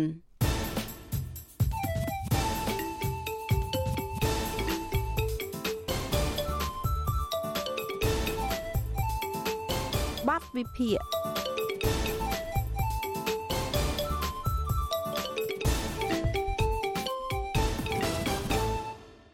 លោកអ្នកនាងអ្នកស្ដាប់ជាទីមេត្រី ទីប្រឹក្សារដ្ឋនិងជារដ្ឋមន្ត្រីក្រសួងការបរទេសចិនលោកវ៉ាងយី គ្រងបំពេញទស្សនកិច្ចមកកាន់ប្រទេសមួយចំនួននៅតំបន់អាស៊ីចាប់ពីថ្ងៃទី10ដល់ថ្ងៃទី15ខែកញ្ញាខាងមុខនេះដែលរួមមានប្រទេសវៀតណាមកម្ពុជា សង្ហបុរី និងប្រទេសកូរ៉េខាងត្បូងគម្រោងដំណើរទស្សនកិច្ចរបស់មន្ត្រីការទូតជាន់ខ្ពស់ចិននេះធ្វើឡើងក្រោយពីអនុប្រធានាធិបតីសហរដ្ឋអាមេរិកអ្នកស្រី Kamala Harris បានមកទស្សនកិច្ចនៅប្រទេសសង្ហបុរីនិងវៀតណាមដែលជាដំណើរទស្សនកិច្ចលើកដំបូងបង្អស់មកកាន់ភូមិភាគអាស៊ីអាគ្នេយ៍ ក្នុងនាមជាអនុប្រធានាធិបតីអាមេរិកក្រោមរដ្ឋបាលថ្មីរបស់ប្រធានាធិបតីโจ Biden ចំណែកដំណើរទស្សនកិច្ចរបស់លោកវ៉ាងយីមកកាន់កម្ពុជា គឺនៅមុនពេលដែលកម្ពុជាកំពុងត្រៀមខ្លួនធ្វើជាប្រធានបដូវវេនអាស៊ាននៅឆ្នាំ2022ខាងមុខនេះតើលោកវ៉ាងយីអាចលើកឡើងពីប្រធានបទអ្វីខ្លះក្នុងដំណើរទស្សនកិច្ចនៅកម្ពុជាបានអ្នកស្រីខែសំណងមានបទវិភាគមួយអំពីរឿងនេះ គិតមកត្រឹមថ្ងៃទី8ខែកញ្ញាគេនៅមិនទាន់ឃើញក្រសួងការបរទេសកម្ពុជាចេញសេចក្តីប្រកាសព័ត៌មានជាផ្លូវការអំពីដំណឹងនៃដំណើរទស្សនកិច្ចរបស់រដ្ឋមន្ត្រីការបរទេសចិនលោកវ៉ាងយីមកកាន់កម្ពុជានៅឡើយទេទោះជាយ៉ាងណា សារព័ត៌មានចិន CJTN បានផ្សព្វផ្សាយថាទីប្រឹក្សារដ្ឋចិន លោកវ៉ាងយីនឹងធ្វើដំណើរទស្សនកិច្ចទៅកាន់ប្រទេសវៀតណាមកម្ពុជា សង្ហបុរី និងកូរ៉េខាងត្បូងចាប់ពីចុងសប្តាហ៍នេះ។ ចំណែកសារព័ត៌មានហុងកុង The South China Morning Post បានឲ្យដឹងថានៅក្នុងដំណើរទស្សនកិច្ចនេះលោកវ៉ាងយីនឹងចាប់ផ្ដើមពីប្រទេសវៀតណាមនៅថ្ងៃទី10ខែកញ្ញាដំណើរទស្សនកិច្ចនេះក៏ត្រូវស្ថានទូតចិនប្រចាំកម្ពុជាគូបញ្ជាក់ដែរតាមរយៈទំព័រ Facebook ផ្លូវការរបស់ខ្លួនវាអាចមិនមែនជារឿងចៃដន្យទេ ដែលប្រមុខការទូតជាន់ខ្ពស់ចិនជ្រើសរើសប្រទេសវៀតណាមកម្ពុជានិងសិង្ហបុរីគឺជាសមាជិករបស់អាស៊ាននៅក្នុងដំណើរទស្សនកិច្ចនេះ។ កាលពីចុងខែសីហា អនុប្រធានាធិបតីអាមេរិកអ្នកស្រី Kamala Harris ក៏បានជ្រើសរើសប្រទេសសង្ហបុរីនិងវៀតណាមជាគោលដៅនៃដំណើរទស្សនកិច្ចរបស់អ្នកស្រីទាំងនៅក្នុងប្រទេសសង្ហបុរី និងនៅវៀតណាមអ្នកស្រី Harris បានថ្លែងបញ្ជាក់អំពីការបដិញ្ញាចិត្តរបស់អាមេរិកនៅក្នុងការការពារសន្តិសុខនៅក្នុងតំបន់និងជំរុញការលើកកម្ពស់តំបន់ Indo-Pacific មួយប្រកបដោយភាពសេរីនិងបើកចំហប្រឈមមុខទៅនឹងការគំរាមកំហែងរបស់ប្រទេសចិនដែលជាភាគីចំនួននៅក្នុងរឿងចំនួនដណ្ដើមអធិបតេយ្យលើប្រជុំកោះនៅសមុទ្រចិនខាងត្បូង។ ដំណើរទស្សនកិច្ចរបស់អ្នកស្រី Harris ក៏ដូចជាមន្ត្រីជាន់ខ្ពស់របស់សហរដ្ឋអាមេរិកដទៃទៀតមកកាន់តំបន់អាស៊ីនិងអាស៊ាន ចាប់តាំងពីប្រធានាធិបតីអាមេរិកលោក Joe Biden ឡើងកាន់តំណែងត្រូវបានគេមើលឃើញថាគឺជាយុទ្ធសាស្ត្ររបស់អាមេរិកក្នុងការកៀរគរប្រទេសជាសម្ព័ន្ធមិត្តនិងដៃគូនៅក្នុងតំបន់ដើម្បីទប់ទល់ទៅនឹងការគំរាមកំហែងនិងមហិច្ឆតា ពង្រីកអធិបុលនយោបាយនិងសេដ្ឋកិច្ចដែលកំពុងតែកើនឡើងរបស់ចិននៅក្នុងតំបន់។ ជាក់ស្ដែងអ្នកស្រី Harris បានប្រកាសជំរុញឲ្យប្រទេសនៅក្នុងតំបន់ចូលរួមជាមួយសហរដ្ឋអាមេរិកដើម្បីប្រឆាំងទៅនឹងការគំរាមកំហែងរបស់ចិន ជាពិសេសការគំរាមកំហែងរបស់ចិននៅក្នុងបញ្ហាសមុទ្រចិនខាងត្បូងដែលអាមេរិកចាត់ទុកចិន ថាបានអង្អាត់ក្តោបក្តាប់ ជាឯកតោភាគីនៅប្រជុំកោះនានានៅសមុទ្រចិនខាងត្បូងនិងមិនបានគោរពនៅអនុសញ្ញាអង្គការសហប្រជាជាតិស្តីពីច្បាប់សមុទ្រនោះឡើយ។ ក្រៅពីបដិញ្ញាជួយប្រទេសដូចជាវៀតណាមដែលកំពុងមានចំនួនដែនកោះជាមួយចិនក្នុងការថែរក្សានៅសន្តិសុខនិងទប់ទល់ទៅនឹងការគំរាមកំហែងរបស់ចិនសហរដ្ឋអាមេរិកក៏បានប្រកាសថានឹងបន្តរក្សាវត្តមានរបស់ខ្លួនដ៏ខ្លាំងក្លានៅក្នុងសមុទ្រចិនខាងត្បូងដែលអាមេរិកតែងតែចាត់ទុកជាដែនទឹកអន្តរជាតិហើយដែលប្រទេសនានាអាចធ្វើនាវាចរនៅទីនោះបានដោយសេរីដោយគ្មានការហាមឃាត់ឬគំរាមកំហែងឡើយទោះជាយ៉ាងណា ការប្រកោកប្រកាសរបស់អាមេរិកអូសទាញប្រទេសនានានៅក្នុងតំបន់អាស៊ីឲ្យចូលរួមជាមួយខ្លួនក្នុងការទប់ទល់ប្រឆាំងទៅនឹងការគំរាមកំហែងរបស់ចិនមិនបានធ្វើឲ្យចិននៅស្ងៀមនោះឡើយប្រទេសចិនតែងតែច្រានចោលការលើកឡើងរបស់សហរដ្ឋអាមេរិកដែលចាត់ទុកចិនជាការគំរាមកំហែងនៅក្នុងតំបន់និងនៅសមុទ្រចិនខាងត្បូងផ្ទុយទៅវិញចិនបានចោទថាគឺអាមេរិកទៅវិញទេ ដែលកំពុងតែរិះរកវិធីដើម្បីការពារនៅមហិច្ឆតាភូមិសាស្ត្រនយោបាយ និងផលប្រយោជន៍របស់ខ្លួននៅក្នុងសមុទ្រចិនខាងត្បូងជាជាងការពារសិទ្ធិរបស់ប្រទេសតូចតាចនៅក្នុងតំបន់រដ្ឋាភិបាលចិនតែងតែប្រកាសប្រឆាំងដាច់ខាតនៅរាល់ការបញ្ជូនកងកម្លាំងឬនាវារបស់អាមេរិកមកកាន់សមុទ្រចិនខាងត្បូងដោយចាត់ទុកថាជាការរំលោភអធិបតេយ្យរបស់ចិន និងជាការជ្រៀតជ្រែករបស់អាមេរិកនៅក្នុងកិច្ចការតំបន់ព្រមទាំងបង្កការរំខានដល់ស្ថិរភាពនិងសន្តិភាពនៅក្នុងតំបន់ប៉ុន្តែសម្រាប់អាមេរិក សមុទ្រចិនខាងត្បូងគឺជាដែនទឹកអន្តរជាតិតែប៉ុន្មានម៉ោងប៉ុណ្ណោះមុនដំណើរទស្សនកិច្ចរបស់អ្នកស្រី Harish ទៅកាន់ប្រទេសវៀតណាមឯកអគ្គរដ្ឋទូតចិនប្រចាំប្រទេសវៀតណាមលោកស៊ុងប៉ូបានជួបជាមួយនាយករដ្ឋមន្ត្រីវៀតណាមលោកហ្វាំមីងជីងវាជាជំនួបដែលត្រូវបានគេចាត់ទុកថាចិនមានចេតនាបញ្ជាក់ប្រាប់វៀតណាមអំពីជំហររបស់ខ្លួននៅក្នុងការការពារដែនអធិបុលរបស់ខ្លួននៅក្នុងតំបន់នៅចំពោះមុខការលូកដៃរបស់អាមេរិកលោកស៊ុងប៉ូ បាននិយាយប្រាប់នាយករដ្ឋមន្ត្រីវៀតណាមនៅពេលនោះថាចិននិងវៀតណាមមានប្រព័ន្ធនយោបាយដូចគ្នាចែករំលែកឧត្តមគតិជំនឿនិងមេគីអភិវឌ្ឍប្រហាក់ប្រហែលគ្នាព្រមទាំងបង្កើតនៅសហគមន៍មួយដែលមានអនាគតរួមគ្នា មានសារៈសំខាន់ជាយុទ្ធសាស្ត្រដូច្នេះគេប្រហែលជាអាចសន្និដ្ឋានបានថាដំណើរទស្សនកិច្ចរបស់រដ្ឋមន្ត្រីការបរទេសចិនលោកវ៉ាងយីទៅកាន់ប្រទេសវៀតណាមចាប់ពីថ្ងៃទី10ខែកញ្ញា គឺជាការឆ្លើយតបទៅនឹងដំណើរទស្សនកិច្ចរបស់អនុប្រធានាធិបតីអាមេរិកកាលពីពេលថ្មីៗនេះហើយក៏អាចជាការបញ្ជាក់ប្រាប់ប្រទេសវៀតណាមអំពីជំហររបស់ចិននៅក្នុងតំបន់ជាពិសេសនៅក្នុងសមុទ្រចិនខាងត្បូងផងដែរដោយឡែកនៅកម្ពុជាតើចិនអាចនឹងលើកយកប្រធានបទអ្វីខ្លះមកនិយាយគេនៅមិនទាន់ដឹងទេថាតើនៅក្នុងដំណើរទស្សនកិច្ចមកកម្ពុជានៅពេលនេះ លោកវ៉ាងយីក្រុងជួបពិភាក្សាជាមួយមន្ត្រីជាន់ខ្ពស់រដ្ឋាភិបាលកម្ពុជារូបណាខ្លះនោះទេហើយនឹងមានរបៀបវិរៈសំខាន់សំខាន់អ្វីខ្លះនោះដែរប៉ុន្តែប្រធានរឿងជាបឋមដែលគេអាចរំពឹងសម្រាប់ដំណើរទស្សនកិច្ចរបស់លោកវ៉ាងយីគឺច្បាស់ណាស់ភាគីទាំងពីរនឹងលើកឡើងនៅភាពស្អិតរមួតនៃកិច្ចសហប្រតិបត្តិការលើគ្រប់វិស័យរបស់ប្រទេសទាំងពីរដែលកំពុងរីកលូតលាស់កាន់តែខ្លាំងឡើងខ្លាំងឡើងនៅក្នុងពេលបច្ចុប្បន្ន វាអាចជាឱកាសសម្រាប់រដ្ឋាភិបាលកម្ពុជា ក្នុងការថ្លែងជាថ្មីអគុណរដ្ឋាភិបាលចិន ដែលបានជួយកម្ពុជា ក្នុងការទប់ទល់ទៅនឹងជំងឺរាតត្បាត COVID-19 តាមរយៈការផ្តល់ជំនួយវិជ្ជសាស្ត្រនិងវ៉ាក់សាំងចិនឲ្យកម្ពុជា ក្រៅពីនោះ ក៏អាចមានដែរការថ្លែងអំណរគុណជាថ្មីនៅជំនួយរបស់ចិនដែលបានផ្ដល់មកឲ្យរដ្ឋាភិបាលកម្ពុជាដែលលោកនាយករដ្ឋមន្ត្រីហ៊ុនសែនធ្លាប់តែបានលើកសរសើរថាជំនួយរបស់ចិនមិនត្រឹមតែជួយកម្ពុជាសម្រាប់ការអភិវឌ្ឍសេដ្ឋកិច្ចសង្គមនិងកាត់បន្ថយភាពក្រីក្រប៉ុណ្ណោះទេប៉ុន្តែថែមទាំងជួយឲ្យកម្ពុជា មានឯករាជ្យនយោបាយទៀតផងលោកធ្លាប់បញ្ជាក់ច្បាស់ហើយថា បើមិនឲ្យទៅពឹងចិនតើឲ្យទៅពឹងអ្នកណា បន្ថែមពីលើនោះ វាក៏អាចជាឱកាសសម្រាប់កម្ពុជាបញ្ជាក់ជំហរជាថ្មីនៅការគ្រប់គ្រងគោលនយោបាយចិនតែមួយកាលពីចុងខែតុលាឆ្នាំ2020លោកវ៉ាងយីក៏បានធ្វើដំណើរទស្សនកិច្ចដោយផ្ទាល់មកប្រទេសកម្ពុជាដែរដែលនៅពេលនោះលោកវ៉ាងយីនិងលោកនាយករដ្ឋមន្ត្រីហ៊ុនសែនបានចូលរួមជាអធិបតីនៅក្នុងពិធីចុះហត្ថលេខាលើកិច្ចព្រមព្រៀងពាណិជ្ជកម្មសេរី FTA រវាងប្រទេសទាំងពីរ នៅក្នុងជំនួបជាមួយរដ្ឋមន្ត្រីការបរទេសកម្ពុជាលោកប្រាក់សុខុននៅពេលនោះលោកវ៉ាងយីបញ្ជាក់ថាប្រទេសចិននឹងគ្រប់គ្រងយ៉ាងម៉ឺងម៉ាត់ចំពោះកម្ពុជា ក្នុងការការពារអធិបតេយ្យនិងសេចក្តីថ្លៃថ្នូរជាតិរបស់ខ្លួន ដោយដើរលើមាគ៌ាអភិវឌ្ឍសមស្របទៅនឹងលក្ខខណ្ឌរបស់កម្ពុជា រក្សានូវស្ថិរភាពអភិវឌ្ឍសេដ្ឋកិច្ចកែលម្អជីវភាពរស់នៅរបស់ប្រជាជន និងគ្រប់គ្រងកម្ពុជា ក្នុងការដើរតួនាទីកាន់តែធំជាងមុននៅលើឆាកតំបន់និងអន្តរជាតិប៉ុន្តែរឿងមួយប្រហែលជាត្រូវឲ្យគេគិតពិចារណាដែរនោះគម្រោងដំណើរទស្សនកិច្ចរបស់លោកវ៉ាងយីនៅពេលនេះធ្វើឡើងតែប្រមាណខែប៉ុណ្ណោះមុនពេលដែលកម្ពុជានឹងដឹកនាំកិច្ចប្រជុំអាស៊ីអឺរ៉ុបលើកទី13និងក្លាយជាប្រធានបដូវវេនសមាគមអាស៊ាននៅឆ្នាំ2022ទន្ទឹមនឹងនេះប្រទេសនានាក៏ត្រៀមខ្លួនចូលរួមមហាសន្និបាតប្រចាំឆ្នាំរបស់អង្គការសហប្រជាជាតិ ដែលធ្វើឡើងនៅរៀងរាល់ចុងខែកញ្ញា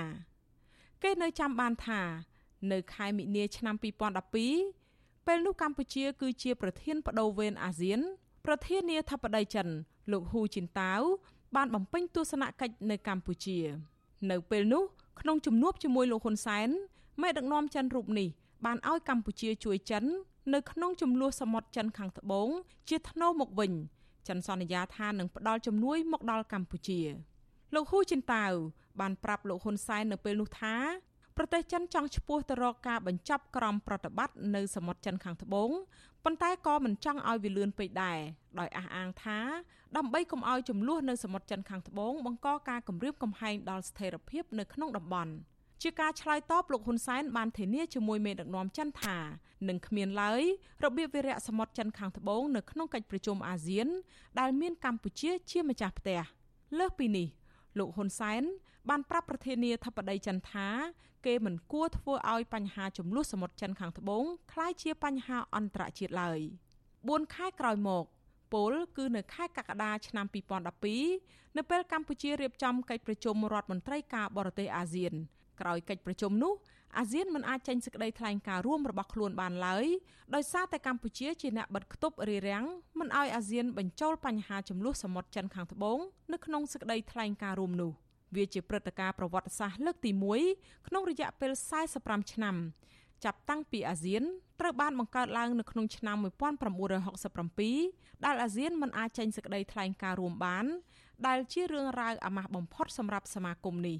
រដ្ឋាភិបាលកម្ពុជានៅពេលនោះត្រូវទទួលរងនឹងការរិះគន់យ៉ាងខ្លាំងពីប្រទេសសមាជិកអាស៊ាន ជាពិសេសប្រទេសដែលកំពុងមានចំនួនដែនកោះជាមួយចិននៅក្នុងសមុទ្រខាងត្បូង រួមមានហ្វីលីពីន និងវៀតណាមជាដើម មកដល់ត្រង់នេះការលើកឡើងរបស់លោកហ៊ុនសែននៅពេលកន្លងទៅ ដែលថាជំនួយរបស់ចិន បានជំរុញឲ្យកម្ពុជា មានឯករាជ្យនយោបាយប្រហែលមិនមែនជាការពិតនោះទេ គេពិបាកបដិសេធណាស់ថា កម្ពុជានៅពេលនោះបានទទួលរងនៅសម្ពាធពីប្រទេសចិនទើបកម្ពុជាត្រូវងាកទៅគាំទ្រចិនហើយធ្វើឲ្យទាស់ចិត្តសមាជិកអាស៊ានដូចគ្នាក៏ប៉ុន្តែអ្វីដែលគេដឹងគឺមានសេចក្តីរាយការណ៍ថាមន្ត្រីការទូតកម្ពុជាបានលួចផ្ដាល់ព័ត៌មានសម្ងាត់រួមទាំងសេចក្តីព្រៀងនៃសេចក្តីថ្លែងការណ៍របស់អាស៊ានឲ្យចិនបានដឹងជាមុនដើម្បីសុំគោលការណ៍ពីចិនជុំវិញបញ្ហានេះបច្ចុប្បន្នភាពតានតឹងនៃចំនួនសមុទ្រចិនខាងត្បូងក៏នៅមិនទាន់ថមថយខ្លាំងនៅឡើយទេ ការប្រឈមមុខឬប៉ះទង្គិចគ្នារវាងកងនាវាចិន និងប្រទេសសមាជិកអាស៊ាន ដែលទាមទារកោះនៅសមុទ្រចិនខាងត្បូងក៏បានកើតឡើងម្ដងម្កាលខណៈដែលសហរដ្ឋអាមេរិកនិងប្រទេសសម្ព័ន្ធមិត្តរបស់ខ្លួននៅអឺរ៉ុបមួយចំនួន ដូចជាអង់គ្លេសបារាំងអាល្លឺម៉ង់ជាដើមក៏បានបង្ហាញវត្តមានជាបន្តបន្ទាប់នៅសមុទ្រចិនខាងត្បូងដែលធ្វើឲ្យចិនខឹងសម្បា ចំនួនសមុទ្រចិនខាងត្បូងត្រូវបានអ្នកជំនាញផ្នែកគោលនយោបាយការបរទេសមើលឃើញថាកំពុងបង្កការលំបាកខ្លាំងបំផុតសម្រាប់ការកំណត់គោលនយោបាយការបរទេសរបស់កម្ពុជាដោយសារភាគីចំនួនម្ខាង គឺប្រទេសចិន ដែលជាមិត្តដៃថែបគ្រប់គ្រងរបបលោកហ៊ុនសែនហើយម្ខាងទៀតគឺអាស៊ាន ដែលកម្ពុជាក៏ជាសមាជិកនៃអង្គការតំបន់មួយនេះបើកម្ពុជាងាកទៅកាន់ចិនជ្រុលពេកសមាជិកអាស៊ានដូចគ្នា ដែលកំពុងមានចំនួនជាមួយចិនមិនសบายចិត្តតែបើងាកទៅគាំទ្រយន្តការអាស៊ានប្រឆាំងចិនវិញរបបលោកហ៊ុនសែននឹងបាត់បង់ការគាំទ្ររបស់ចិន ក្នុងពេលជាមួយគ្នាកម្ពុជាក៏អាចមានបញ្ហាជាមួយប្រទេសមហាអំណាចដែលជាដៃគូប្រជែងភូមិសាស្ត្រនយោបាយជាមួយចិនផងដែរប្រសិនបើកម្ពុជាដើរភ្លាត់កន្លងអព្យាក្រឹតរបស់ខ្លួនកន្លងទៅដោយសារតែឃើញជំហររបស់កម្ពុជាលំអៀងទៅខាងចិនជ្រុលហួសហេតុពេកមន្ត្រីការទូតចូលនិវត្តន៍របស់សង្ហបុរី លោក Billa Hari Kosikan បានផ្ដល់យោបល់ថាអាស៊ានគួរដកប្រទេសកម្ពុជាចេញពីអង្គការតំបន់មួយនេះតែម្ដងទៅព្រោះលោកយល់ថាជំរើសនយោបាយរបស់កម្ពុជាដែលលំអៀងទៅខាងចិនជ្រុលហួសហេតុពេកថ្ងៃណាមួយអាចបង្កគ្រោះថ្នាក់ដល់ផលប្រយោជន៍តំបន់អាស៊ានសម្រាប់ប្រទេសឡាវក៏លោកកូស៊ីកាន់យល់ឃើញដូចគ្នាមន្ត្រីការទូតរូបនេះរហូតដល់លើកឡើងថាគេប្រហែលជាត្រូវកាត់ប្រទេសទាំងពីរគឺឡាវនិងកម្ពុជា ចេញពីអាស៊ាន ដើម្បីសង្គ្រោះប្រទេសជាសមាជិកអាស៊ាន8ផ្សេងទៀតរបស់អង្គការនេះមន្ត្រីការទូតរូបនេះមើលឃើញថាគោលនយោបាយអព្យាក្រឹតរបស់កម្ពុជា កំពុងមានបញ្ហានៅចំពោះមុខអធិបុលដ៏ខ្លាំងក្លារបស់ចិនបន្ថែមពីនេះទៀតអនុរដ្ឋមន្ត្រីការបរទេសសហរដ្ឋអាមេរិកអ្នកស្រី Wendy Sherman ក្នុងដំណើរទស្សនកិច្ចដ៏កម្រទៅកាន់កម្ពុជា កាលពីខែមិថុនា ក៏ធ្លាប់រំលឹកកម្ពុជាជំវិញកង្វល់ពីរឿងវត្តមានកងទ័ពចិននៅកម្ពុជានិងបានជំរុញឲ្យរដ្ឋាភិបាលលោកហ៊ុនសែនងាកមកគោរពសិទ្ធិមនុស្សស្ដារប្រជាធិបតេយ្យនិងរក្សាតុល្យភាពនៃនយោបាយការបរទេសរបស់ខ្លួនសម្រាប់អ្នកជំនាញគោលនយោបាយការបរទេសពួកគេមើលឃើញថា ទាំងចិនក្តី ទាំងអាស៊ានក្តី គឺសុទ្ធតែសំខាន់ដូចគ្នា សម្រាប់ការអភិវឌ្ឍសេដ្ឋកិច្ចនិងរក្សានៅសន្តិសុខរបស់កម្ពុជា នៅក្នុងចំនួនសមុទ្រចិនខាងត្បូងនេះប្រទេសចិនមិនចង់ដោះស្រាយបញ្ហាតាមយន្តការចរចាពហុភាគីនោះទេព្រោះតែចិនមើលឃើញថាយន្តការនេះអាចអនុញ្ញាតឲ្យប្រទេសមហាអំណាចផ្សេងទៀតដូចជាសហរដ្ឋអាមេរិកមានឱកាសចូលរួមអង្គុយក្នុងតុចរចាជាមួយចិនដែរទាំងដែលអាមេរិកមិនមែនជាភាគីចំនួនផងនោះប៉ុន្តែសម្រាប់ប្រទេសសមាជិកអាស៊ានដែលមានចំនួនជាមួយចិនវិញ ការចូលអង្គុយតុចរចាមួយទល់នឹងមួយជាមួយចិន គឺជាការចាញ់ប្រៀបចិនដូច្នេះពួកគេចង់រួមគ្នាដោះស្រាយបញ្ហានេះជាកញ្ចប់តាមយន្តការពហុភាគីនិយមទើបពួកគេអាចនិយាយស្មើមុខស្មើមាត់ជាមួយចិនដូច្នេះហើយទើបគេមើលឃើញថាប្រទេសកំពុងមានចំនួនដែនកោះជាមួយចិនដូចជាវៀតណាមជាដើមកំពុងតែងាកទៅបង្កើតទំនាក់ទំនងជិតស្និទ្ធជាមួយអាមេរិកដើម្បីយកអធិបុលរបស់អាមេរិកមកទប់ទល់ទៅនឹងការគំរាមកំហែងរបស់ចិនស្ថិតនៅក្នុងបរិបទបែបនេះ តើកម្ពុជាគួរធ្វើដូចម្តេចអ្នកជំនាញខ្លះយល់ថារដ្ឋាភិបាលកម្ពុជាមិនគួរលំអៀងទៅរកប្រទេសចិនខ្លាំងពេកនោះទេព្រោះថាការលំអៀងខ្លាំងទៅខាងចិននេះនឹងធ្វើឲ្យប្រទេសកម្ពុជារងនៅសម្ពាធពីចិនកាន់តែខ្លាំងឡើងខ្លាំងឡើងកម្ពុជាត្រូវបង្កើតមិត្តធំធំឲ្យបានច្រើននៅក្នុងពេលតែមួយដើម្បីបង្កើនចំនួនដៃគូយុទ្ធសាស្ត្រនិងសេដ្ឋកិច្ចដើម្បីការពារផលប្រយោជន៍សន្តិសុខអធិបតេយ្យនិងវិបុលភាពរបស់ខ្លួន អ្នកជំនាញយល់ថាក្នុងនាមជារដ្ឋតូចមួយនៅចំកណ្ដាលប្រទេសធំនិងមានអំណាចប្រទេសកម្ពុជាត្រូវប្រកាន់ខ្ជាប់នូវគោលនយោបាយការបរទេសអព្យាក្រឹតនិងមិនចូលបកសម្ព័ន្ធកម្ពុជាត្រូវតែប្រកាន់ខ្ជាប់នូវគោលនយោបាយនៃការរួមរស់ដោយសន្តិសហវិជ្ជមានជាមួយប្រទេសជិតខាងរបស់ខ្លួន និងជាមួយប្រទេសដទៃទៀតនៅទូទាំងពិភពលោកក្នុងពេលជាមួយគ្នាកម្ពុជាក៏ត្រូវបង្កើនមិត្តឲ្យបានច្រើន និងត្រូវរកវិធីសាស្ត្រនៅក្នុងការរក្សាទំនាក់ទំនងល្អជាមួយមិត្តមហាអំណាចទាំងអស់ជៀសវាងយកចិត្តតែមហាអំណាចណាមួយ រួចបោះបង់មហាអំណាចផ្សេងទៀតមែនតែនទៅគោលការណ៍អព្យាក្រឹតអចិន្ត្រៃយ៍និងមិនចូលបកសម្ព័ន្ធគោលការណ៍សន្តិសហវិជ្ជមានជាមួយប្រទេសជិតខាង និងប្រទេសនៅលើពិភពលោកត្រូវបានចែងយ៉ាងច្បាស់នៅក្នុងទិសដៅគោលនយោបាយការបរទេសនៃរដ្ឋាភិបាលរបស់លោកហ៊ុនសែនបច្ចុប្បន្ន ប៉ុន្តែការអនុវត្តជាក់ស្ដែងកម្ពុជាត្រូវបានគេមើលឃើញថា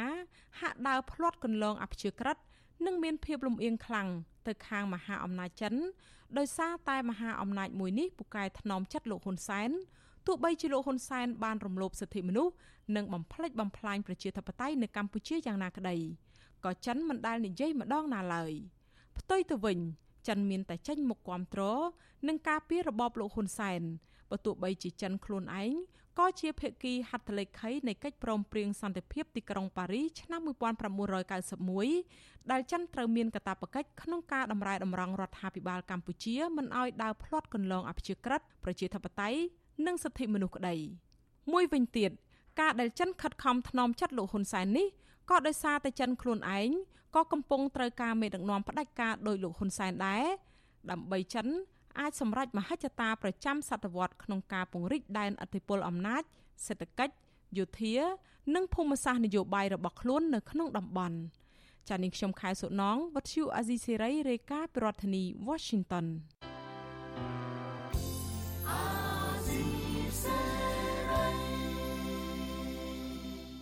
បាទលោកអ្នកនាងជាទីមេត្រីការផ្សាយរយៈពេល1ម៉ោងនៃវិទ្យុអសីសេរីជាភាសាខ្មែរនៅពេលនេះចប់តែប៉ុណ្ណេះយើងខ្ញុំសូមជូនពរដល់លោកអ្នកនាងព្រមទាំងក្រុមគ្រួសារទាំងអស់ឲ្យជួបប្រកបតែនឹងសេចក្តីសុខចម្រើនរុងរឿងកុំបីឃ្លៀងឃ្លាតឡើយខ្ញុំបាទចិត្តចំណានព្រមទាំងក្រុមការងារនៃវិទ្យុអសីសេរីសូមអរគុណនិងសូមជម្រាបលា thank you